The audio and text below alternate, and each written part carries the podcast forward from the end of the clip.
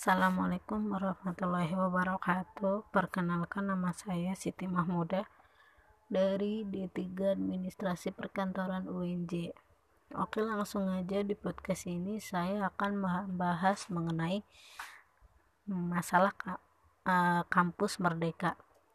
Seperti yang kita ketahui bahwa pada bulan Januari lalu Nadiem Makarim selaku Menteri Pendidikan dan Kebudayaan mengumumkan sebuah kebijakan baru yang disebut dengan Kampus Merdeka. Kampus Merdeka itu merupakan bagian kedua dari kebijakan Merdeka Belajar lanjutan dari arahan sebelumnya mengenai UN, USBN, RPP, dan sistem zonasi yang diaplikasikan pada SD, SMP, dan SMA. Berbeda dengan arahan sebelumnya, arahan kedua ini lebih menitik beratkan pada kebijakan-kebijakan dalam perguruan tinggi baik negeri ataupun swasta sesuai dengan nama dari kebijakan itu sendiri. Kampus Merdeka juga memiliki empat program pokok. Yang pertama itu sistem akreditasi perguruan tinggi. Dalam program Kampus Merdeka, program reakreditasi bersifat otomatis untuk seluruh peringkat dan bersifat sukarela bagi perguruan tinggi dan prodi yang sudah siap naik peringkat. Akreditasi yang sudah ditetapkan Badan Akreditasi Nasional Perguruan Tinggi atau BANPT tetap berlaku selama lima tahun namun akan diperbaharui secara otomatis. Pengajuan reakreditasi PT dan Prodi dibatasi paling cepat dua tahun setelah mendapatkan akreditasi yang terakhir kali. Untuk perguruan tinggi yang akreditasi B atau C bisa mengajukan peningkatan untuk menjadi akreditasi yang lebih baik lagi lalu yang kedua itu ada kampus merdeka memberikan hak kepada mahasiswa untuk mengambil mata kuliah di luar prodi dan melakukan perubahan definisi satuan kredit semester atau yang sering kita kenal sebagai SKS. Perguruan tinggi wajib memberikan hak bagi mahasiswa untuk secara sukarela. Jadi mahasiswa artinya jadi mahasiswa boleh mengambil ataupun tidak SKS di luar kampusnya sebanyak dua semester atau setara dengan 40 SKS. Yang ketiga itu pembukaan prodi baru. Pembukaan prodi baru ini berkaitan dengan eh, program yang kedua yaitu kampus mereka menghak kepada mahasiswa secara tidak langsung jika mahasiswa di, di dibiarkan mengambil mata kuliah dari prodi lain, pasti akan menimbulkan prodi-prodi baru di dalam universitas tersebut. Yang keempat itu kemudahan untuk mengajukan PTNBH. Kebijakan kampus merdeka yang ketiga berkaitan oh, terkait kebebasan bagi PTN Badan Layanan Umum atau BLU satuan dan satuan kerja Satker untuk menjadi PTN Badan Hukum atau PTN BH. Kemendikbud akan mempermudah persyaratan PTN BLU dan Satker untuk menjadi PTN BH tanpa terkait status akreditasi. Tetapi dari empat program tersebut terdapat satu kebijakan yang paling berpengaruh langsung terhadap mahasiswa kebijakan itu yang lain adalah hak belajar tiga semester di luar prodi. Apa itu hak belajar semester di luar prodi? Dalam kebijakan ini mahasiswa dibebaskan untuk mengambil SKS di luar kampusnya selama dua semester atau setara dengan 40 SKS dan juga mahasiswa diperbolehkan mengambil SKS prodi lain di dalam kampusnya selama satu semester kecuali untuk prodi kesehatan melalui program ini eh, diharapkan mahasiswa dapat lebih terbiasa dengan dunia luar atau dunia kerja sebenarnya setelah lulus nanti. Jadi, SKS tidak lagi hanya menjadi jam belajar, jam belajar di kelas, tapi juga jam berkegiatan baik di luar ataupun di dalam kampus asalnya. Menurut saya, program uh, dari kampus mereka ini sangat bagus karena dapat membantu mahasiswa untuk uh, agar memiliki pengalaman yang dapat diaplikasikan secara langsung saat terjun ke dunia kerja. Uh, ke dunia kerja nantinya daripada hanya dengan belajar teori di dalam kelas. Program ini juga memungkinkan mahasiswa dapat menguasai lebih dari satu bidang keilmuan secara lebih mendalam lagi, karena mendapat kesempatan belajar secara formal di dalam kelas dengan profesional. Mengingat berbagai macam eh, lapangan pekerjaan saat ini yang tidak bisa terpusat pada satu cabang ilmu ilmu aja, tentu ini eh, dapat menjadi modal penting Selain dari itu, mahasiswa juga bisa memperluas koneksi terhadap pihak-pihak lain dengan banyaknya kegiatan di luar kampus. Eh, kata merdeka yang digunakan pun menjadi relevan karena mahasiswa tidak lagi harus bertekuk pada satu bidang secara teori di dalam kelasnya, tetapi diberikan kebebasan untuk mengeksplorasi segala potensi yang ada pada dirinya. Adapun tujuan dari kampus Merdeka yaitu untuk mendorong mahasiswa membuat penelitian di luar program studinya untuk menciptakan inovasi yang efisien dan tepat sasaran. Pendeknya, sesuai namanya, kampus akan diberikan kebebasan meneliti agar uh, tumbuh sebanyak mungkin inovasi-inovasi yang akan uh, di, dikerjakan ini ide ini yang penting karena tantangan universitas ke depan tidak mudah. Saya ingin memberikan tambahan gagasan agar konsep ini tidak meleset dari tujuan dan memberikan tekanan pentingnya kebebasan kampus yang bisa mendorong kebebasan sipil sebagai basis demokrasi di segala lini inovasi penelitian takkan muncul tanpa kebebasan. Kampus Merdeka ini juga menuai pro dan kontra dari kampus yang eh, maksudnya adapun pro dan kontra dari kampus Merdeka yang dicetuskan oleh Nadim. Menurut dosen ilmu administrasi negara Putu Aryawantara ada beberapa hal yang menjadi sorot yang menjadi sorotan penting terhadap konsep kampus merdeka ini ala Nadiem Makrim. Yang pertama itu perlunya sinkronisasi data untuk menunjang perihal administrasi mahasiswa seperti prestasi eh seperti presensi dan mata kuliah yang diambil di program studi lain.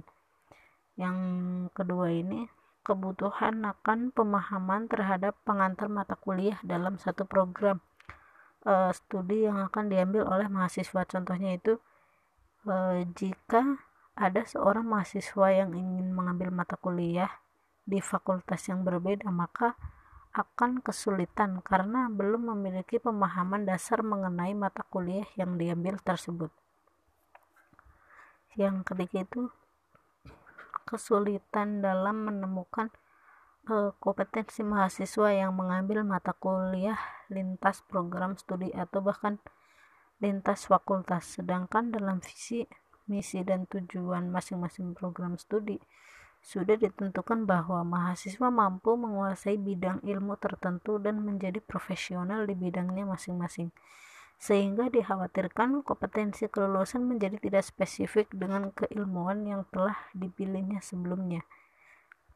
Kebijakan kampus merdeka memang sangat bagus dengan cara membuka sekat keilmuan dalam suatu program studi.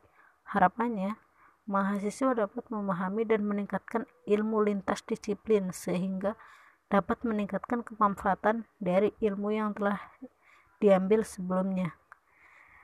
Itu yang tadi saya omongin adalah uh, komen dari Putu An Aryawantara dosen prodi ilmu administrasi uh, ilmu administrasi negara Universitas Airlangga kampus Merdeka kampus Merdeka yang dicetuskan Nadim juga disambut baik oleh eh, Rektor Universitas Terbuka atau UT. Ojat Darojat turut mendukung program Nadim. Namun menurutnya, UT perlu merancang kebijakan baru untuk menetapkan kebijakan kampus merdeka. Mengingat selama ini UT menggunakan sistem pembelajaran jarak jauh. Selain itu, mahasiswa UT umumnya telah bekerja dan menikah, sehingga waktu yang tersedia tidak lebih fleksibel dari mahasiswa yang belum bekerja dan menikah. Rektor uh, Rektor Unair Muhammad Nasim juga berkomentar dan mengaku akan merancang kurikulum lintas multidisiplin agar mahasiswa ilmu sosial bisa belajar ilmu esak dan mahasiswa ilmu eksak juga bisa mengerti ilmu sosial. Selain itu, UNER akan mengadakan mata kuliah berbasis digital dan program magang di luar negeri atau pertukaran pelajar yang akan menggantikan tugas eh, tugas akhir. Namun dengan catatan mahasiswa sudah mengambil semua mata kuliah wajib selama uh, perkuliahan dan memenuhi syarat dan ketentuan yang berlaku. Namun, uh, adapun orang yang mengkritik uh, kebijakan Nadiem tersebut, salah satunya adalah mahasiswa mahasiswa ketua Badan Eksekutif Mahasiswa atau BEM dari Universitas Indonesia yaitu Fajar Adi Nugroho mengkritisi kebijakan Nadiem. Menurutnya, perguruan tinggi perlu waktu untuk menyesuaikan diri dengan kebijakan yang baru dan dua tahun waktu penyesuaian belum tentu cukup. Selain itu, Fajar berharap Nadiem menyusun aturan yang jelas bagi perusahaan yang membuka kesempatan mag magang bagi mahasiswa nantinya. Ia khawatir program magang yang magang yang dicangkangkan justru menjadi alat bagi industri untuk mendapatkan tenaga kerja murah.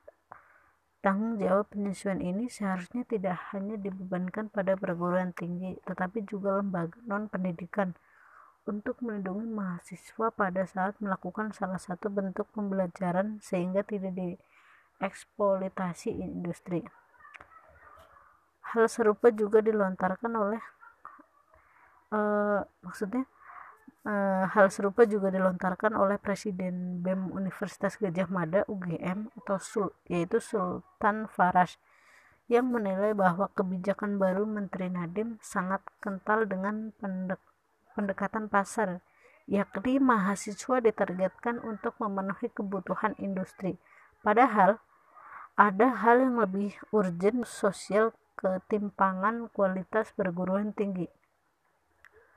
Bagi kami, yang lebih penting adalah mempersiapkan pondasi sebaik mungkin, mulai dari mereduksi kesenjangan kualitas antar universitas di Indonesia dengan mengakselerasi peningkatan kapasitas tenaga pendidikan, pembaruan metode pengajaran, dan pembangunan fasilitas pendidikan sebagai penunjang. Itu kata Sultan. Pro Pasar Bebas Koordinator Nasional Jaringan Pembantu Pendidikan Indonesia atau JPPI Ubaid Menteri mengatakan kebijakan Nadiem sangat berorientasi pasar bebas khususnya soal mempermudah suatu, suatu kampus jadi PTNBH. PTNBH itu sendiri adalah bentuk komersialisasi pendidikan tinggi yang akhirnya perguruan tinggi tidak uh, tidak menjadi pro kalangan tidak mampu. Ubed menyayangkan sikap Nadim yang terlalu mengikuti logika industri. Padahal menurut Ubed, pendidikan harus lebih mengedepankan kebutuhan dan pengembangan ilmu pengetahuan. Soal kebutuhan industri itu memang penting, tapi tridharma perguruan tinggi harus tetap didahulukan. Jika melulu tunduk pada industri, maka kampus menjadi agen-agen kapasitas yang jauh dari misi kemanusiaan. Bisa memicu perbudakan modern. Sekretaris eh, Sekretaris Jenderal Federasi Buruh Lintas Pabrik atau F FBLP Dian Septri Trisanti juga mengkritisi waktu magang mahasiswa yang bisa diperpanjang menjadi tiga semester. Dian Dian melihat sistem kerja magang tak ubahnya seperti perbudakan karena ia hanya menyediakan tenaga kerja murah. Seorang buruh magang biasanya di, diupah jauh lebih rendah dari buruh biasa meski beban kerjanya sama. Uh, selain itu, pemagangan hanya jadi celah sejumlah perusahaan licik untuk menghemat ongkos produksi sehingga orientasi pendidikan ala kampus merdeka justru membunuh esensi kemerdekaan berpikir kritis sebagai manusia. Pendidikan tidak lagi mendapat tidak lagi menjadi alat pembahasan manusia untuk memanusiakan manusia terus uh, keputusan Nadim ini juga disebut sebagai uh, sebagai gimmick pengamat sebagai gimmick uh, pengamat pendidikan dari Center of Education Regulation and Development Analysis atau cerdas Indra Karismiaji berpendapat paket kebijakan Menteri Pendidikan dan Kebudayaan Nadiem Makarim hanya gimmick belaka karena belum menyentuh sumber daya manusia atau SDM sama sekali, yaitu guru dan dosen. Kalau hanya uh, di dalam artikel yang saya baca, uh, apa Indra Karismaji uh, mengatakan bahwa kalau hanya seperti ini ya nggak akan berjalan. Apa ya jadi terkesan hanya seperti gimmick bukan kebijakan strategis? Padahal yang kita butuhkan transformnya itu nyata. Itu kata Indra. Terus um, Indra juga um, mengkritisi kebebasan perguruan tinggi membuat prodi baru misalnya dalam kebijakan Nadiem memberikan fleksibilitas untuk perguruan tinggi berakreditasi A dan B membuat prodi, asalkan punya kerjasama dengan organisasi kelas dunia. Dengan kondisi pendidikan saat ini, dikhawatirkan akan memunculkan komersialisasi pendidikan. Uh, Indra juga menilai bahwa kebijakan Nadim dalam memerdekakan proses belajar sebenarnya belum bisa diaplikasikan di Indonesia secara bebas. Hal itu karena budaya di Indonesia berbeda dengan di negara barat. Uh, setelah saya cari tahu ternyata uh, Nadim Bapak Nadim ini uh, mengetahui bahwa keputusan yang dia buat itu menuai pro, pro dan kontra. Setelah ditanya-tanya, akhirnya Nadim Bapak Nadim ini pun memberi jawaban yang sangat santai sih menurut saya uh, dia bilang bahwa adanya banjir kritikan dari mahasiswa yang memprotes kebijakan soal kampus merdeka kebijakan itu saya mengharuskan mahasiswa magang selama tiga semester. Uh, dia menyebutkan bahwa dikritik artinya kerja. Kalau nggak ada yang resistensi itu artinya anda nggak melakukan tugas. Nadim malah mengatakan malah bilang kayak gitu. Menurut Nadim kritik yang dilayangkan mahasiswa terkait program kampus merdeka ini bersifat membangun apresiasi mereka pun diklaim telah diserap oleh pemerintah dan akan dijadikan pertimbangan untuk kementeriannya untuk mengeksekusi program yang sudah di yang sudah ditentukan lah ya kayak gitu uh, Adapun menurut saya manfaat sistem SKS baru versi kampus merdeka yang pertama itu ruang belajar lebih luas. Maksudnya eh, ruang belajar itu lebih luas itu harapannya mahasiswa dapat memiliki eh, kebebasan menentukan rangkaian pembelajaran sehingga tercipta budaya belajar yang mandiri lintas disiplin dan mendapatkan pengetahuan serta pengalaman yang berharga untuk diterapkan. uh, proses pe, proses pelaksanaan perhitungan SKS sendiri akan dibebaskan kepada setiap perguruan tinggi. Perguruan tinggi wajib memberikan hak kepada mahasiswa untuk secara sukarela mengambil SKS di luar program studi dan di luar perguruan tingginya. Yang kedua itu lebih banyak prodi. Program Kampus Merdeka memberikan otonomi perguruan tinggi negeri atau PTN dan swasta atau PTS untuk melakukan pembukaan atau pendirian uh, prodi baru. Artinya mahasiswa memiliki kesempatan lebih luas untuk memilih jurusan yang lebih mutakhir dan sesuai dengan kebutuhan pengetahuan dan keterampilan di masa mendatang. Secara kebebasan untuk serta kebebasan untuk memilih mata kuliah yang sesuai dengan e, pengembangan kapasitasnya. Selain itu eh, apa mahasiswa akan memperoleh materi dan proses pembelajaran yang lebih berkualitas dengan berkurangnya beban administrasi dosen. Yang ketiga, hak lintas jurusan. SKS yang diambil mahasiswa di program studinya maksimal sebanyak 5 semester dari total 8 semester. Sisanya mahasiswa berhak memiliki pilihan untuk mengambil 2 semester dua semester setara atau 40 SKS di luar perguruan tingginya dan satu semester 20 SKS di luar program studinya di perguruan tinggi yang sama. Hak ini bersifat sukarela dan tidak diwajibkan kepada mahasiswa untuk e, menggunakan tiga semester pilihan tersebut.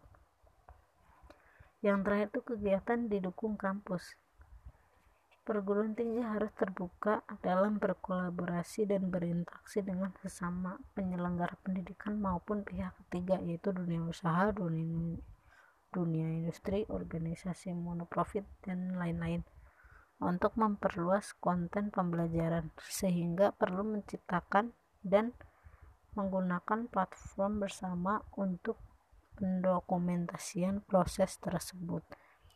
Untuk saat ini, kebijakan tersebut baru berlaku untuk program S1 dan Politeknik. Namun, perubahan SKS tidak berlaku untuk bidang ilmu S1 kesehatan. E, mungkin itu aja yang bisa saya bahas di podcast ini. Hmm, kurang lebihnya mohon maaf. Assalamualaikum warahmatullahi wabarakatuh. Terima kasih.